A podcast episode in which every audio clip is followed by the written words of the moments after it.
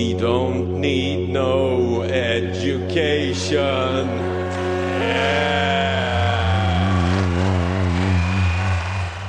Välkomna ska ni vara till Flumskolan, en folkbildande litteraturcirkel från Galago och Aftonbladet Kultur som spelas in här på bibliotek Plattan på Kulturhuset i Stockholm. Där vi riktigt gottar ner oss i böckerna som kanske skapar fler frågor än faktiska svar. Inskrivna och redo för upprop i dagens skola är Mats Jonsson, serieskapare och Galago-redaktör, samt Rebecka Kärde, satiriker och skribent för bland annat Galago och Arbetaren. Välkomna hit. Tack. Tack så mycket. Jag tänkte börja med att fråga, vad är er relation till Tolkien? Min är ganska allmän skulle jag säga. Jag läste Tolkien i mellanstadiet senast kanske. För att jag var scout och alla våra scoutpatruller var döpta efter Tolkien-figurer. Och då var det liksom som att det blev något sånt socialt tryck att man skulle läsa Tolkien och älska Tolkien. Så jag läste Tolkien och älskade inte Tolkien. Men jag har läst Tolkien, det har jag gjort. Jag, eh, jag läste Tolkien och älskade Tolkien och gör det fortfarande i viss mån, måste jag säga. Började också mellanstadiet. Sen så har jag säkert läst trilogin om Härskaringen sex eller sju eller åtta gånger och kan den i princip utan till. Nej, där tog jag i, men eh, nästan. Den är ju väldigt lång va? Samtalsledande examinator här på Flumskolan är i alla fall jag, Johannes Klenell. Och min relation till Tolkien sträcker sig så långt som till att ha läst trilogin kanske två gånger ungefär.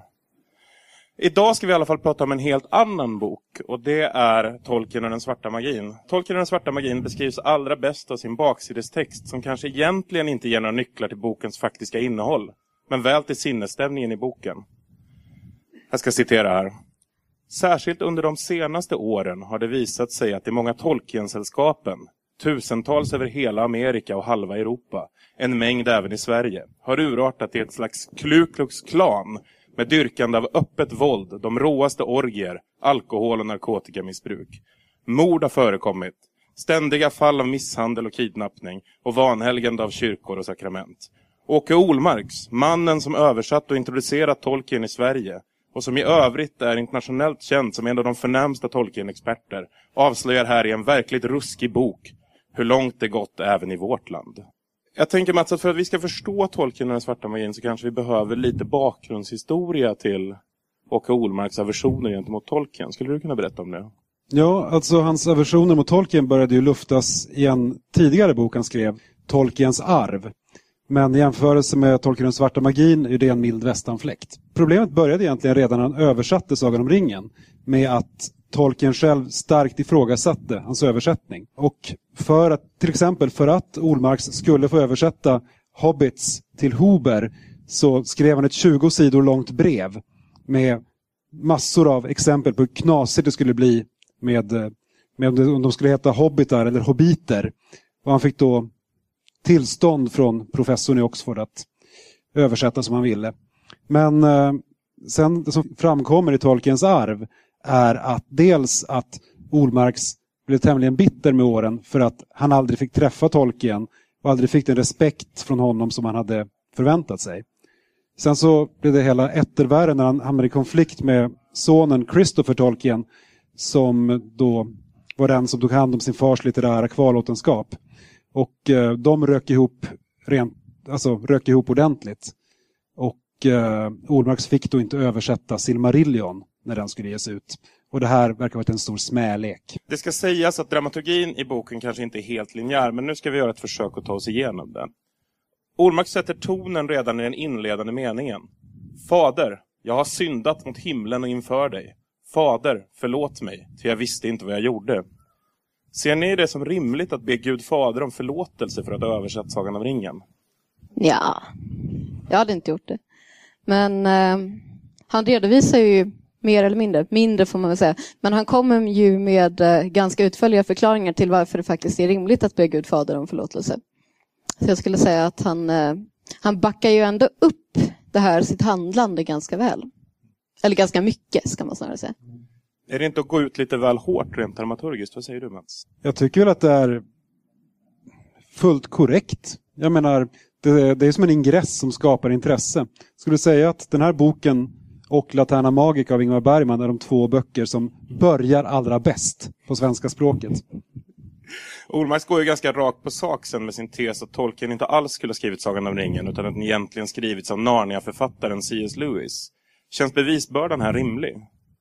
Han grundar ju inte det här på någonting egentligen. Han grundar ju bara det här på att de var polare och på att han tycker att C.S. Lewis är så oerhört mycket mer begåvad än Tolkien. Uh, och att han tycker att det finns vissa stilistiska och kvalitativa skillnader mellan Tolkiens böcker. Men exakt vilka de här är tycker jag att han inte riktigt, eller ja, han redovisar ju inte riktigt det va? Men om det nu inte är Tolkien som har skrivit de här böckerna utan C.S. Lewis, varför heter då inte den här boken Lewis och den svarta magin? Därför att Tolkien i det här fallet kanske snarare är Christopher Tolkien. Den som sitter som någon slags maffiaboss i Oxford och styr Tolkien-sällskapen eh, i deras jakt på pengar och blod. Det är inte bara Christopher Tolkien, det är ju hela familjen Tolkien egentligen. Ja, vi får inte glömma Priscilla Tolkien Nej, som... gud, Priscilla menar, Tolkien. hon som bara bjöd på vin, bröd Mm. och pastej när Tolkienisterna kom på besök. Ett av hans främsta argument för varför familjen Tolkien är så snål och girig. Vi, vi ska gå på eh, familjen Tolkiens snålhet lite mer i ett senare skede. Men tror att vi ska gå på kapitel två istället. Som heter Litterärt inspirerade terrorsällskap i äldre tid. Ormark tar här med oss på en resa bland assassiner, Dantesällskap med kopplingar till Cosa Nostran, tibetanska shamanritualer och Ku Klux Klan. Varför befinner vi oss plötsligt bland dessa nidingar? Jag skulle väl säga att det är för att Olmarks... Alltså det här hade jag egentligen tänkt vänta med att ta upp. För det här är som ett grundskott mot hela boken vi nu sitter och analyserar. Men det är att Olmarks inte har något case överhuvudtaget. Och han måste därför då arbeta väldigt starkt med guilt by association. Då känns det väldigt bra som en lärd akademiker att börja då liksom långt tillbaka i tiden med assassinerna. Men samtidigt som man ju också då eh, framställer sig själv som en ganska tveksam akademiker eftersom man då redan i stycket om assassinerna tar upp att de på nytt fötts i vår tid under ledning av Muammar Gaddafi och eh, bland annat dödade Kennedy. Men nu, nu mördades ju Kennedy 1963, samma år som Gaddafi antogs till militärhögskolan. Så alltså, ingenting hänger ju ihop. Det här är den officiella historieskrivningen dock. Ja, Eh, förlåt. ja, det vet man inte riktigt faktiskt. Jag skulle vilja inskjuta ändå att jag tycker att det här kapitlet är nästan alltså, som en liksom parallell-essä om citat litterära terrorsällskap, slutcitat, så är det ju ganska spännande. Sen att eh, man kan ju fråga sig hur sant det är, men det kanske man inte ska göra. Men kan det vara så att Ormark kanske inte kan så mycket om terrorsekter? Eller tror ni han vet någonting som inte vi vet? Han har ju släktingar i livet så man ska ju kanske inte gissa. Nej. Men, Sen så eh, fanns ju heller inte Google på hans tid. Nej, och den här boken är ju skriven väldigt snabbt, får man inte glömma. Eh, Jag måste också sticka in med det att han ju förstås hade ett stort referensbibliotek med 20 000 volymer. Men det befann sig ju då i hans hus i Norditalien och han skrev boken i Sverige. Så Men Norditalien är hans egentliga hem. ja, det är det. Utom på vintern, Ja, ironiskt nog. det är ganska intressant. Ja. Men han verkar ju väldigt inne på det här med att terrororganisationerna härstammar ur överklassen. För att han, han skriver då om terrororganisationen Tolkiensällskapen att en kommunist, maoist, stalinist eller rent av socialdemokrat blir inte Tolkienan. För honom är det skit, som man säger i Skåne.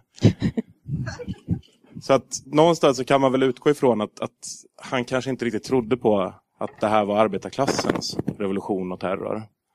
Eh, men vad har egentligen det här kapitlet med Tolkien att göra? Alltså ska man gå efter Olmark och allt. Men han har en ganska... Hela hans argumentationsteknik bygger ju på det här att rada upp en massa förskräckliga företeelser och sen nämna tolken och tolkensällskapen i kommande mening. Jo, men så till exempel det faktum, ja det som är det förmodligen mest kända exemplet på märklig argumentation i den här boken är ju då det med Ku Klux Klan. Att en, ord, en tidigare ordförande för Ku Klux Klan var tandläkare. Precis som pappan till en tidigare ordförande i Uppsala Tolkiensällskap. Vilket då visar på att det finns någon slags släktskap organisationerna emellan. Han säger också att eh, Ku Klux Klan i en inkarnation gick omkring i ryttarkåpor och citat exakt svarade mot Tolkiens Nazgul, de här ridande soldaterna i hans böcker. Du Och menar det- Nazgul. Nazgul, förlåt. Jag talar inte språket. Det hedrar dig att du inte talar svarta språket. Tack. Jag, jag tror att vi måste gå vidare till nästa kapitel. Och här tar han ännu ett rätt raskt steg till kapitlet som heter Den halvfnoskige gubben Tolkien. Som väl bara kan beskrivas egentligen som ett rent svartmålande utav Tolkien själv. Men här, här skriver han en väldigt intressant sak tycker jag. Och det blir ett lite längre citat nu. Det var bara jag och den norska översättaren som vägrade att ta order mot både bättre vetande och våra egna samvetens bud. Följden blev att han inte ville råka mig personligen, att han grymtade och grumsade, men o under. Likväl lät mig hållas efter ett bortåt 20 sidor långt brev där jag påpekat vilka galna associationer termer som hobiter, rohaner och vidgubbar gav. Varenda själ skulle jag ha tänkt på antisemiter, indianer och kringvandrande göingar som sålde flätade videkorgar. Men han uppfattade att min självständighet som oförskämd kritik av hans allvetande och förlät mig aldrig. Att jag hållit bortåt 40 föredrag om honom och hans verk och, jag skäms som en hund för att bekänna det, i 20 års tid gjort mer än någon annan för att sprida tolkieneriet i hela Norden. Det intresserade honom inte alls. Jag hade vägrat lyda order. Det var oförlåtligt. Skulle ni säga att det är helt orimligt att som författare ha en åsikt om hur ens verk översätts? Ja, men eh, jag tycker ändå att eh, jag kan sympatisera ganska mycket med Ormarks syn på översättning om man ska försöka då lite positivt här tänka att det faktiskt är en mer fullständig syn på en översättning och inte bara han som är jävligt piss. Liksom. Men eh, för jag tänker ändå att så här, visst, att försöka, han försöker ju överföra orden till deras associativa betydelse snarare än vad han försöker hitta en motsvarighet i svenska språket. Och det kan jag ändå känna, ja visst. Jo, jag håller väl med på något sätt för att det är ju det att Olmarks hade ju han kom ju från en äldre tradition när det gäller översättande. Just där det handlade snarare om att tolka och få det att låta, få det hela, att fram- hela att låta bra i ska man säga, mottagarspråkets språkdräkt. Och det är ju intressant också att Olmarks ansåg att Tolkien hade ju själv sagt att han hade översatt boken från Väströnan. Att det alltså på ett betaplan så var det ju Bilbo, Frodo och Sam som hade skrivit boken och Tolkien hade bara hittat den och översatt den. Alltså då Västmarks röda bok för er nördar där ute. Så att då ansåg ju Olmarks att han inte behövde... Han ansåg att han kunde förhålla sig- förhålla sig ganska fritt till Tolkiens text eftersom den inte var originalet. Utan istället skulle ge den egen svensk språkdräkt. Och det kan ju låta lite nipprigt men jag läser ju hellre Olmarks översättning än jag till och med läser det engelska originalet. Måste jag säga. För att den är, den är underhållande, den är mustig. Verkligen spirituell, Ja, tycker jag. Han hade väl vissa synpunkter på Tolkiens eget språk också. Att han tyckte att som översättning från originalspråket i Midgård då så var det inte helt okej. Det är en sån underbar fade det här, får jag bara säga det. Vilken fantastisk... Ja, nej. Ja, och sen att, kan man ju också då förstå förstås att, jag menar, att Tolkien som språkprofessor som hade skrivit boken inspirerad av, alltså med språk inspirerat av Eddan eh, och att han ju dessutom då behärskade svenska. Det är klart att han blev lite putt när någon kommer liksom och förstör hans fina bok, tycker han. Där invänder ju Olmark att tolken inte alls riktigt behärskar svenska för att han bara kan läsa svenska och är liksom, han har läst sig till att kunna svenska språket men han talar inte som sitt modersmål. Men man kan ju ändå tycka att uppenbarligen hade ju tolken en ganska tydlig vision om hur språket skulle vara, att det skulle vara som en isländsk saga och det kan ju faktiskt, man behöver inte behärska svenska så jävla bra ändå för att se att det inte riktigt är det i Max översättning. Nästa kapitel här som heter Mammon eller Tolkiensällskapens smarta centralorganisation. Och det är här då som Olmarks verkligen sätter fingret på den onda familjen Tolkien.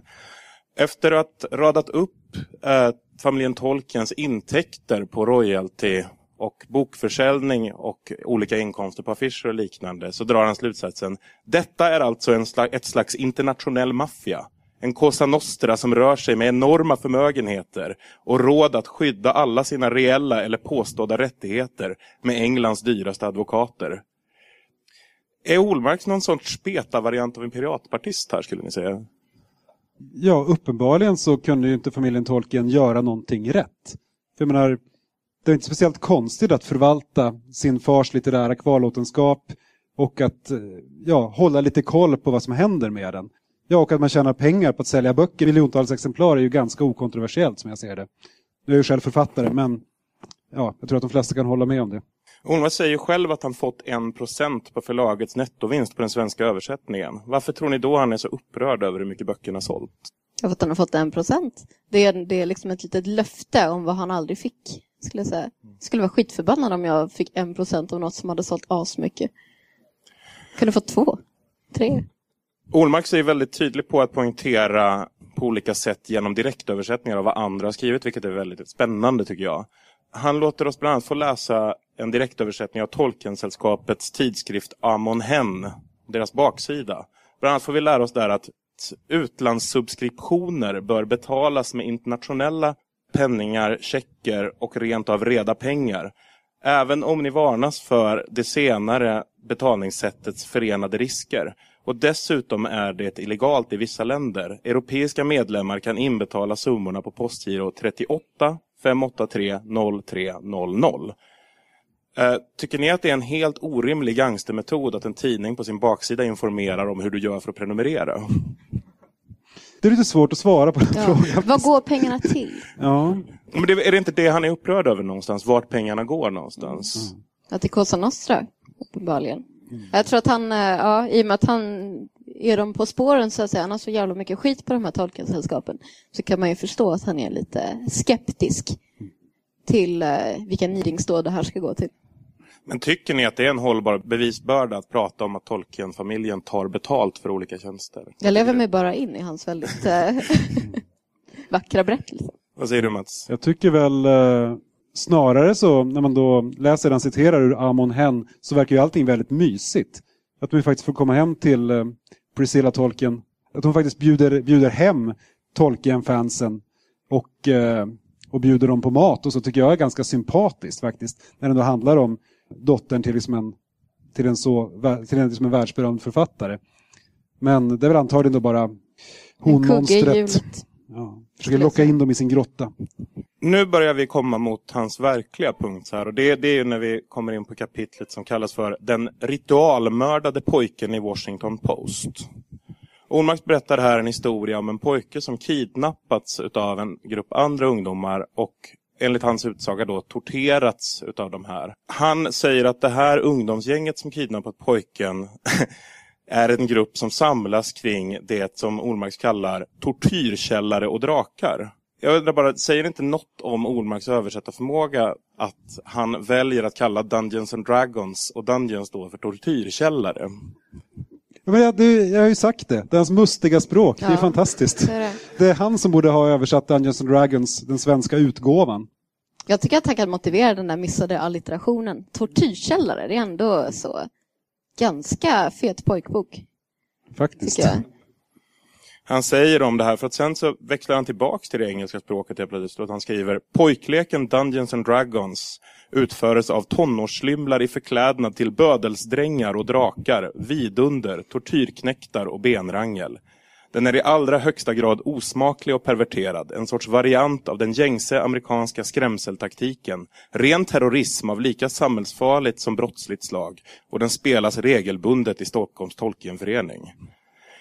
Alltså man kan säga vad man vill om Ormarks här, men han ligger åtminstone tio år den övriga svenska rollspelskritiken. Men den här pojken då begick tydligen självmord senare. Något som Olmark alltså beskriver som ett ritualmord och några av de involverade pojkarna sa sig då vara tolkienister. Och det han egentligen angriper här är att föräldrarna ska ha tagit in en privatdetektiv här som ska vilja försöka utreda vad det var som hade hänt. Och är ni med Olmark, här på när han skriver att den här privatdetektiven gjorde något så oerhört ädelt som att försöka sälja filmrättigheterna till den här pojkens tragiska öde. Olmarks argumenterar ju för att eh, den här privatdetektiven hade sån hög moral att han bara ville visa människor den här tragiska historien. Så kan det gå om man läser tolken. Um, och det kan man ju tycka. Alltså jag, jag personligen så, ja, nej. Nej, men det jag känner ju att eh, det är allt det här ganska lurigt eftersom han ju faktiskt bara hänvisar till- till en tredjehandskälla. Till ett referat i Amon Hen av en artikel i Washington Post som då har intervjuat, jag vet inte riktigt vem, om det är privatdetektiven eller någon annan. Så det, alltså det, det hela är ju liksom, alltså som en studie i källkritisk utmaning så är det verkligen någonting att bita i. Inte minst med tanke på Olmarks eh, kända förmåga att kunna liksom få till det i översättningar. Ja, för det tar han ju upp här en smula då. När han skriver om ordförande i Tolkensällskapets text så skriver han så här. Typiskt är att den modige detektiven i Washington genomgående nämns med den lätt förnedrande beteckningen A Private Detective. Med den underliggande insinuationen att det rört sig om en icke-officiell skummis som bara varit ute i penningsyfte. Man kan ju fråga sig när han ändå försökte sälja filmrättigheterna till den här pojkens liv, vad det innebar. Eh, själva det grova, med dödsstraff eller livstids tukthus belagda brottet går hantlangaren över med de lättaste ord. Det är distasteful, osmakligt, det är olycksaligt, unfortunate. Men det verkligt ruskiga är detektivens försök till gross and blatant profitering. Och jag kan ändå känna lite så här när det kommer till den här ordföranden i Tolkiensällskapet som ska skriva om några som säger sig vara tolkienister som har gjort någonting och som sedan man ska skapa en film om och sälja filmmyndigheterna. Att, vad tycker Olmark han ska göra mer? Begå harakiri eller liksom kasta sig ut för ett stup? Eller liksom, vad, vad, är egentligen kraven där? Men tror ni att Olmark visste någonting alls om privatdetektiver här? Eller om det liksom om den här detektiven? För han verkar ju inte ha någon information. Nej, det hade han nog inte heller.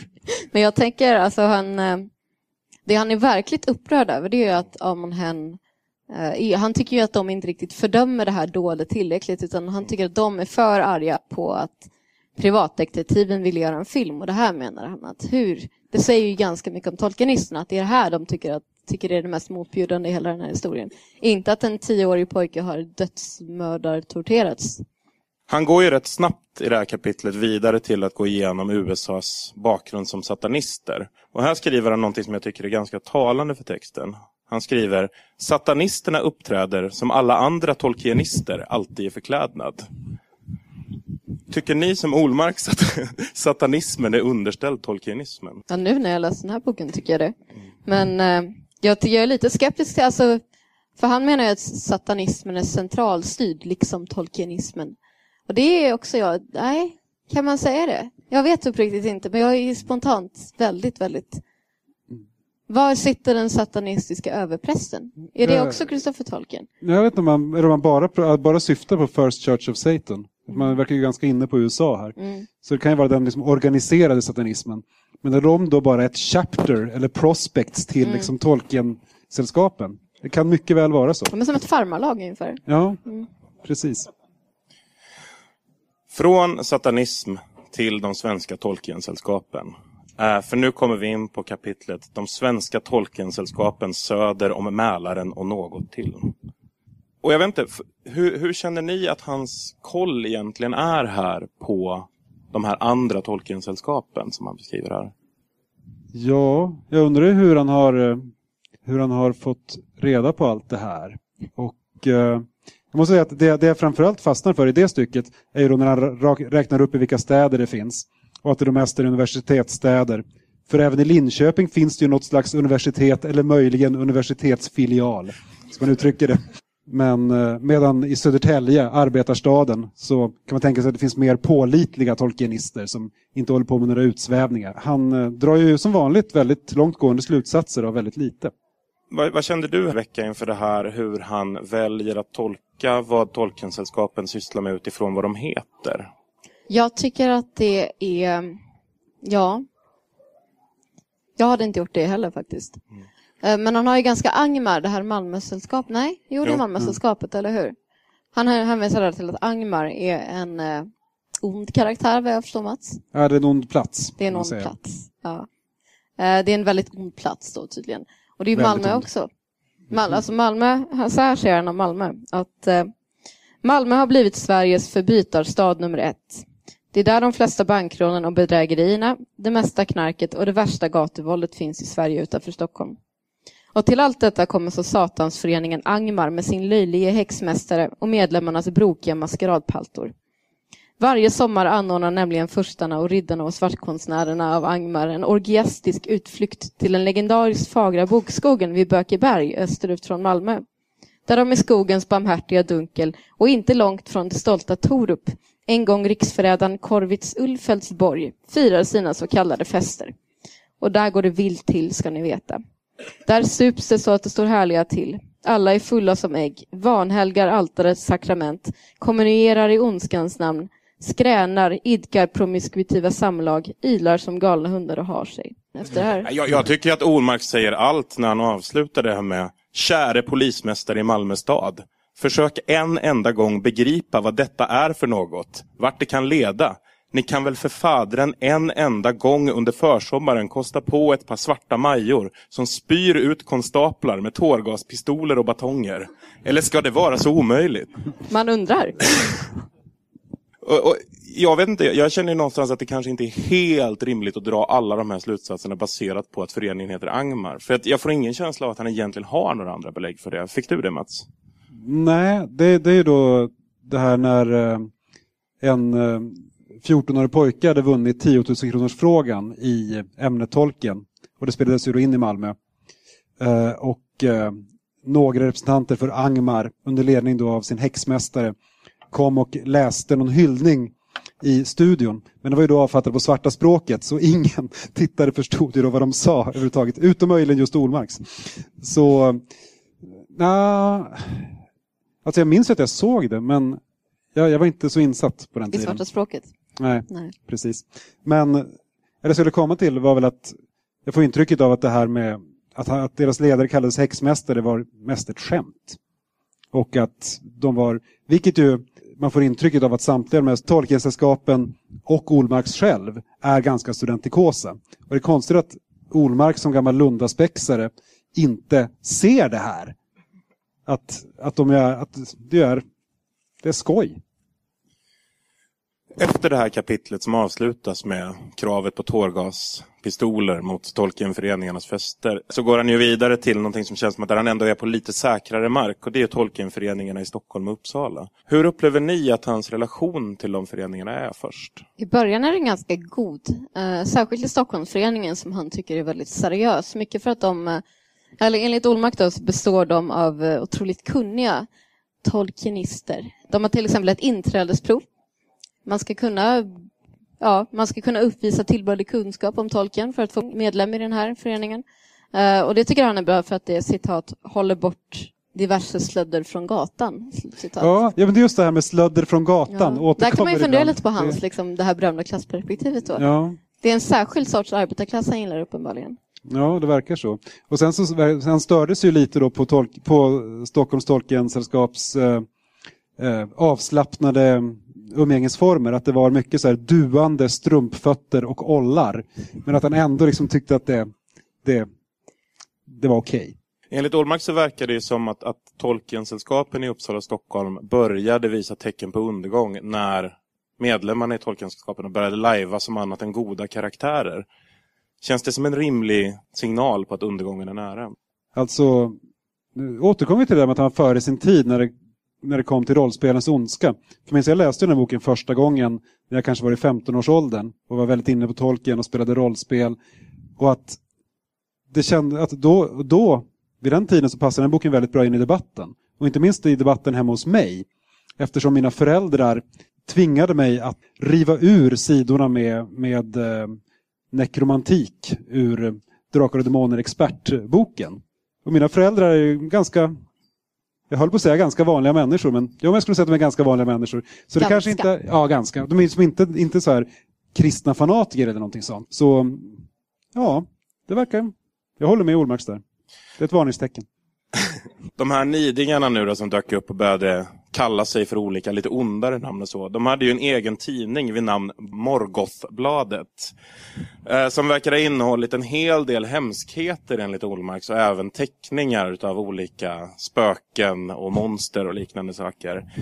Eh, och även om Olmarks mest verkat reagerat på innehållets ondska så måste vi väl någonstans ändå ställa oss frågan är inte det absolut ondaste i det här sammanhanget det här fruktansvärda ordvitsen i namnet? Vad säger du? Jo, alltså jag tycker att den är faktiskt, eh, ja, ja det gör ont. Det gör det- ont att höra. Och om det åtminstone hade varit Göteborgs Tolkiensällskap. Men Eller roligt. ja, Men nej. Men känns det inte som den där, hela den här känslan av att det jag kände hela tiden var just den här upplevelsen av att det är det stundikosa som pågår. Som han på något sätt lyfter upp till någon sorts liksom heavy metal-nivå i princip i sin kritik. Alltså, vad säger du om det Mats? Ja, det är ju det att som sagt så borde ju just Åke Ormarks av alla människor känna igen det studentikosa och se det som den, ja men i värsta fall kan man kanske se det som en lek med roller bland unga människor. Att man, att man så här vill leva ut sina mörkare sidor lite grann, att det är någonting kittlande i det.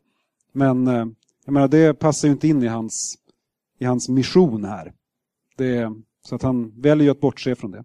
Nu får vi möta Tolksällskapet i Uppsala för första gången och då får vi också stifta bekantskap med vad som måste beskrivas som bokens verkliga antagonist. Den övervintrade Uppsala-studenten med det fantasifulla namnet Gandalf. Vad tänker ni om honom? Jag får flashbacks till när jag bodde i Malmö och hamnade på efterfest med såna här överliggare från Lund. Uh, han är väldigt så... Ja, nej. Han är glad i alkohol, i damer, i uh, roliga skämt. Och eh, ja, jag skulle inte säga... Alltså, Olsmark hävdar att han är ond, Gandalf. Eller att han är liksom en beräknande skurk. Medan jag väl snarare tror att han är bara liksom lite, lite jobbig. Eller inte lite jobbig, väldigt jobbig. Ja, oh, Gandalf. Gandalf Kraftmusik Social, som hans fullständiga namn i boken lyder. Han är barn till borgmästare Kraftmusik och Madame Social. Eh, många bra tecknamn i den här boken. Men eh, ja, han är en, en jobbig, ganska drumlig överliggarstudent. Och så är det just det där att för min inre syn att jag alltid ser honom gå runt utklädd till Gandalf, liksom även till vardags. Men, på kullersten går på han kullersten går han. Ja. Utanför Carolina Rediviva. Och då Men... beskriver ju ändå Olmark hur den ser ut. Den här ja. kommunistiska rocken han har på sig. Ja, just det. Just det. Just det. Men, eh, nej, men då, vi får inte glömma då att han gör en överklass-slyngel. Att det är hans släpphänta föräldrar då. Pappan är alltså tandläkare, vilket jag tycker är en ganska intressant detalj. Ja. Eller just att han är så otroligt... Pappan sitter väl, han är någon slags kommunpolitiker också tror jag, men likväl den här otroliga överklass... Eh, stämpeln som Olmark sätter på Gandalf, den är inte riktigt... Mm. Nej. Ja, ja och eh, Madame Social arbetar på någon slags arbetsförmedling. Men det är ju det att Gandalf ju... Eh, man får också känslan av att Gandalf förmodligen beundrar Olmarks som den store Tolkien-översättaren och väldigt gärna vill liksom... Jag kan tänka mig att han i viss mån vill spela apa för honom också för att imponera. Tänker jag mig. Men verkar inte Olmarks först uppskatta Gandalf rätt mycket? Nej, Däremot så första gången Olsmark träffar Gandalf, det är på en eh, det är på den Uppsala Tolkien-sällskapets eh, årsfest eller någonting, eller hur?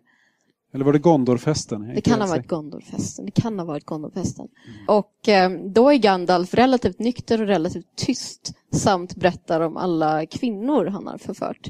Och då blir Olsmark ändå lite grann, eh, ja, man, man förstår att det finns vissa, i alla fall i hans eh, som han föreställer sig vissa gemensamma beröringspunkter. Men jag skulle säga att han mer är tillåtande till Gandalf redan där än vad han är positiv. Vad säger du Mats? Ja, nu, nu är det här lite fusk eftersom jag då har läst uh, Tolkiens arv, boken innan.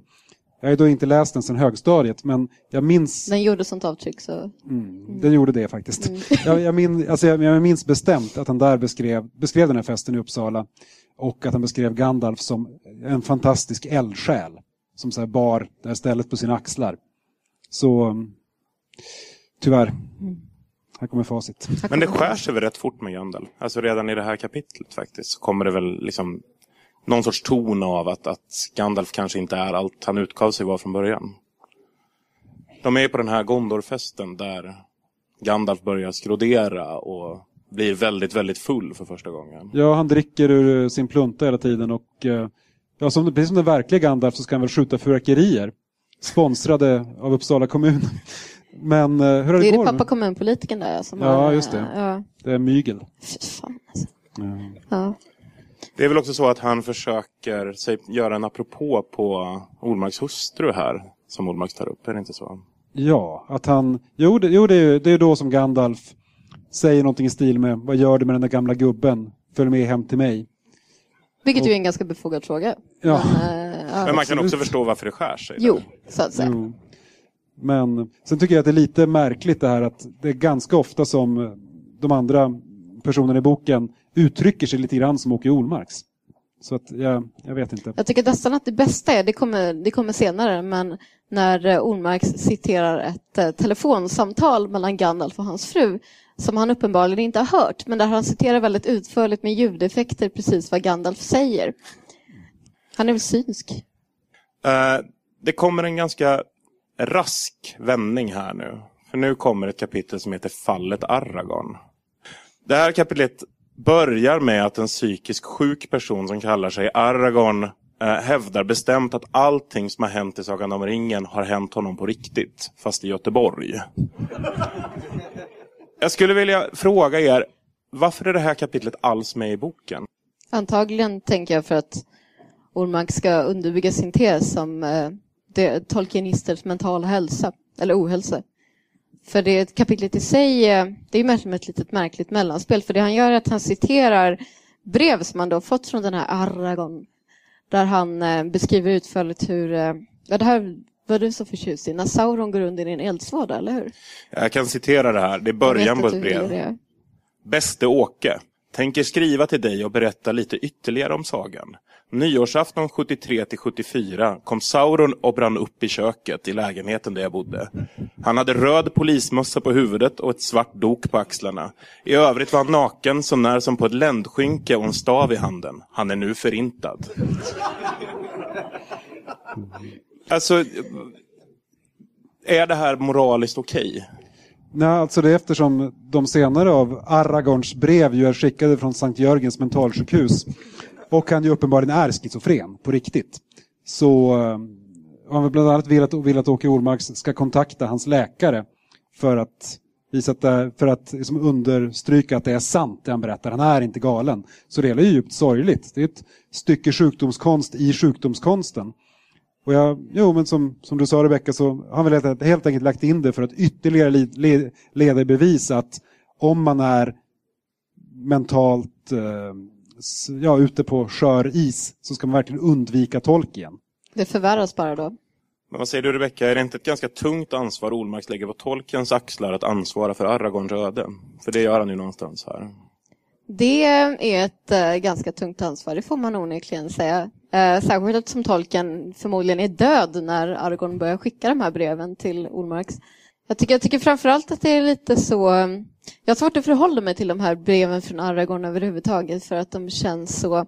Det, det, det obehagligaste tycker jag nästan är att Olmarks försöker utmåla det som att han då hjälper Aragorn lite grann genom att prata med honom i telefon och bekräfta hans fantasier så att han ska, inte ska känna sig så ensam och sen då publicera de här i sin bok. Och där kan man väl invända att eh, det kanske inte var det mest, eh, ja, Medmänskliga. nej.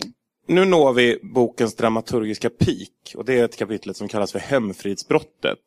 Eh, vad är det som händer här egentligen? Kan någon av er redogöra för det? Ska jag? Ja, Ja, jo, det är här som det, det hela blir... Det är verkligen här som allting vänder. För att, eller vänder, det, det intensifieras. Man förstår, börjar förstå varför han har skrivit den här boken. Och det som händer då, enligt Olmarks, är att då Gandalf ringer hem då till Olmarks svenska hem, pratar med hans fru och att han vill komma dit och hälsa på. Men understödd av Åke så säger då frun nej, nej, nej, du får absolut inte komma hit. hon reser ingenstans utan sin man. Ja, just det, han försöker bjuda in Mm. henne. Så, Så det, är det, precis, ja. precis. Men då bjuder han in sig själv istället. Precis. Jag ska uppenbarligen, uppenbarligen inte berätta det här för jag har missförstått allting. Ja. Eh, I alla fall, Gandalf bjuder in sig själv då eh, efter att eh, Lillan, som hon refereras till för övrigt, och Olmarks fru, efter att Lillan då har nekat inviten så bjuder Gandalf in sig själv och eh, i sin förskräckelse så uppger Lillan en falsk adress på Ingarö så att han ska hamna där istället. Men på något märkligt sätt så lyckas Gandalf ta sig då till eh, deras villa någonstans ute i eh, svenska skärgården. Eh, och eh, Olmarks har under tiden försökt ringa hem till Gandalf, eller hur? Och försökt övertala honom och hans, eh, de andra suputorna som han sitter där och hänger med om att han inte ska sticka dit, men det har inte gått så bra. Um, var på Gandalf uppenbarar sig klockan eh, halv elva på natten utanför deras hus, knackar på och raglar in stupfull. Och där utspelar det sig diverse kontroverser. Jag tror att han, han försöker ragga på, eller det försöker han göra hela Ja, tiden. jo, det, det är uppenbarligen, på väldigt, så, Lillan. det, jo, det är väldigt, s- det här är en väldigt så här, störande scen. Men, Åke ligger och sover och väcks. Så när han kommer ner så har Gandalf och en, ett slödder från gatan tagit sig in. Just det. Och eh, då tvingar Lillan att dricka sprit. Ja, för hon går på... eh, Hon Någon går, sorts medicin kan man väl säga. Någon så- ja, någon som gör att hon medicin. inte bör dricka alkohol. För att, man förstår att hon är, hon är mycket psykiskt skör, Mm. berättar Åke i boken. och blir framförallt det av medicinen också. Ja, Och, och, och där i den här psykiskt sköra delen så kan man också ställa sig frågan, för då, då skriver Olmark så här att Ormarks hustru säger i tårar. De tvingade mig att dricka och jag tog medicinen för några timmar sedan. Tror du jag dör? Och då svarar Ormarks. dör? Det gör du inte. Men du kommer bli mycket sjuk. Jag vet inte, jag tycker inte att han framstår som så otroligt beskyddande där. Nej, det, man kan ju, det så känns ju som att det verkliga offret i den här boken är hans hustru. Som, som, jag menar, som Gandalf är efter, tvingar att, tvingar att dricka. Och så har hon då den här maken. Vi tänker oss bara det att hon är, jag tror 42 år gammal när det här utspelar sig. Eh, och eh, med doktorsgrad från Schweiz och talar åt, behärskar åtta språk. Men hon sitter då med den här 70-åriga surpuppan till Olmark som helst bara vill stänga sin dörr och skriva. Och det mest fascinerande av allt är ju hans överslagshandling när då Gandalf och Slödder från gatan sitter och försöker supa ner hans fru som ropar på hjälp. Och han sätter sig till motvärn genom att springa upp igen, sätta sig vid skrivmaskinen och författa ett brev till Tolkiensällskapet i Uppsala där han vill säga upp sitt hedersmedlemskap. Enligt Gandalf själv så var ju han inbjuden till Ormarks. Vem tror ni på i fallet Gandalf? Jag tror inte riktigt att någon faktiskt... eh, Jag tror att båda tror på sig själva. Och att det, den enda som skulle kunna tänkas veta hur det här telefonsamtalet faktiskt gick till, det är väl Ormarks fru.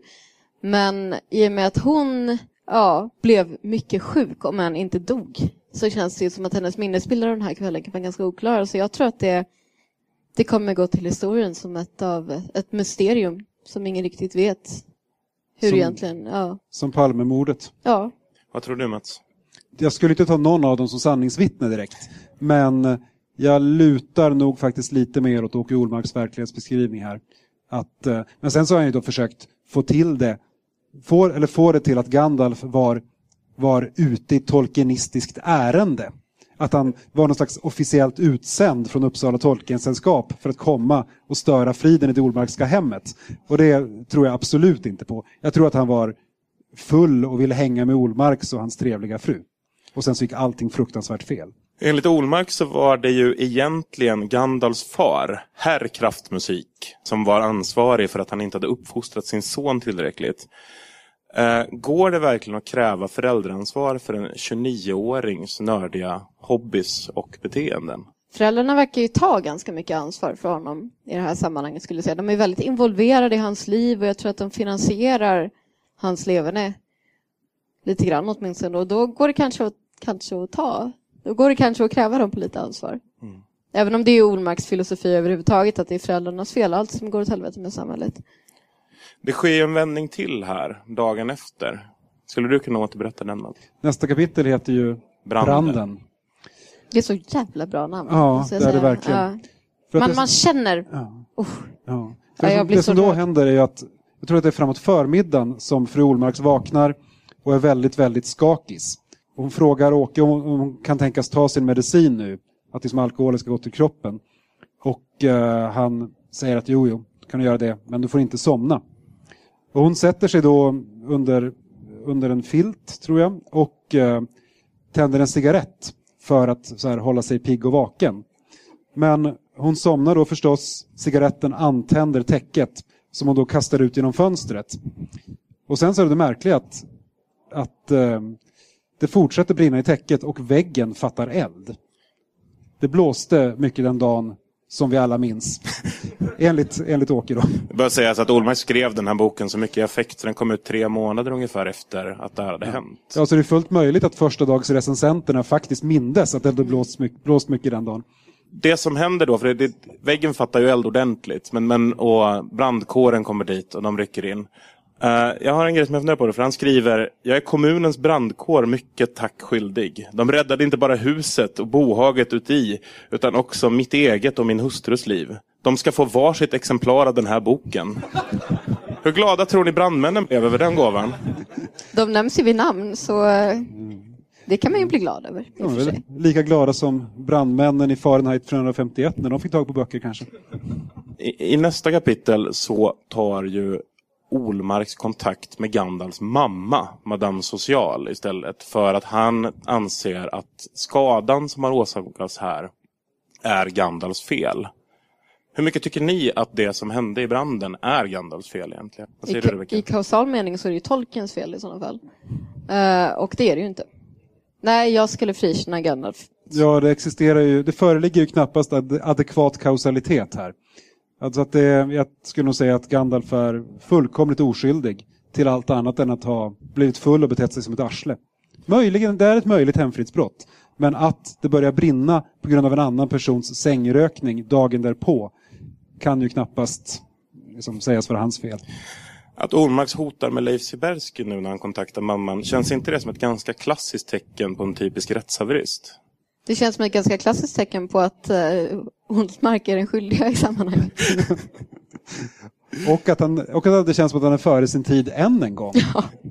När inte det riktigt biter att kontakta Gandalfs mamma så tar han istället kontakt med en person som alltså heter Orodruin, som är ordförande i Tolkiensällskapet och också jobbar under Gandalfs mamma på något sätt.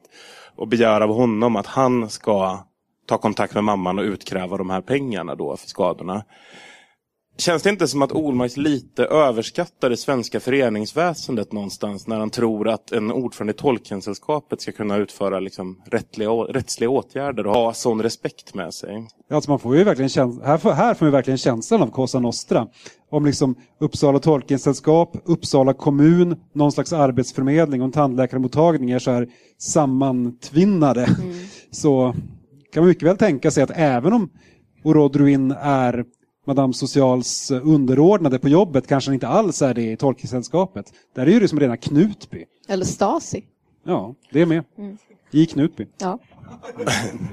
Olmarks understryker slutligen att skulden är föräldrarnas. Min stora fråga är bara, skulden till vad, Rebecka? Ja, vad är den inte skulden till? Han radade ju upp hur många exempel som helst på 150 sidor här. Det är punkare, det är skinheads, det är satanism. Ja, jag kan ge många fler exempel. Det är Ku Klux Klan, det är Cosa Nostra, det är sicilianska maffian. Den prelamaitiska chud-ritualen i Tibet. Mm. För övrigt samma ritual som i Stephen Kings Det, när man biter tag i monstrets tunga. Föräldrarnas fel. Jag tycker, det jag tycker också är ganska intressant att Olmark är ju, han är ju religionshistoriker och har forskat, forskat på diverse brutala shamanistiska och naturreligiösa ritualer.